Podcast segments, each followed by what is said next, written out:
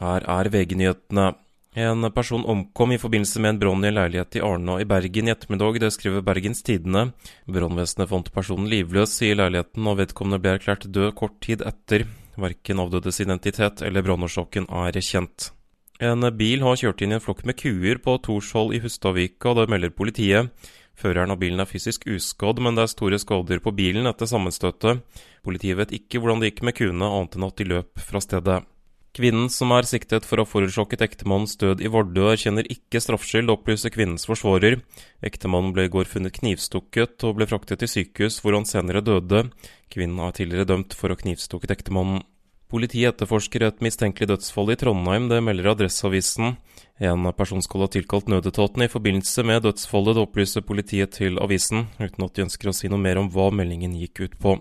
Det er ikke gjort funn som tyder på at noen ble tatt av snøskredet som gikk i Tromsdalen ved Svarthammeren i ettermiddag. Leteaksjonen er derfor avsluttet, det opplyser politiet. I studio André Ødeby, nyhetene får du alltid på VG.